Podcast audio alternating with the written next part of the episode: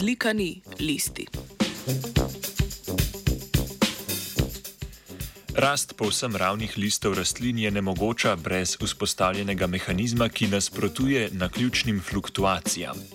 Ti mehanizmi morajo združiti rast s čutili, kar so dosedanje raziskave pokazale v primeru sobnih rastlin z ravnimi listi. Ameriška raziskovalna skupina je na spletnem portalu prednatisov Archive objavila študijo vihanja listov rastlin.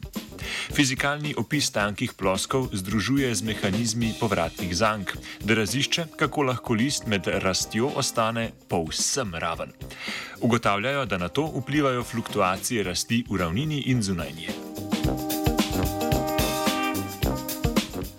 Motnje ravnega stanja lista povzročijo, da celice producirajo signalne hormone, kot denimo auksin, ki se difuzivno širijo v neposredno okolico.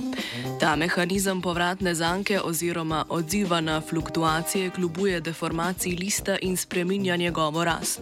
Nasprotno pa rast lista povzroča elastično frustracijo, ki vodi do nenadnega ravnovesja sistema, kar se zgodi hipno oziroma s hitrostjo zvoka. V študiji so ravninsko in izvenravninsko rast lista obravnavali s kvazi statično. Pač kvazi statično, brez soja, kaj čistko, in opisali elastično ploskev z upogibom ter razteskom. Primerjali so tudi lokalen in nenaden odziv sistema na motne z nelokalnim in časovno zamaknjenim odzivom. Zaključili so, da lokalen in nenaden odziv ni dovolj, da stabilizira nihanja z dolgimi valovnimi dolžinami. Nasprotno pa takim fluktuacijam dobro kljubujejo nelokalne in časovno zamaknjene povratne zanke, ki tudi bolje opišajo že opažene eksperimentalne podatke.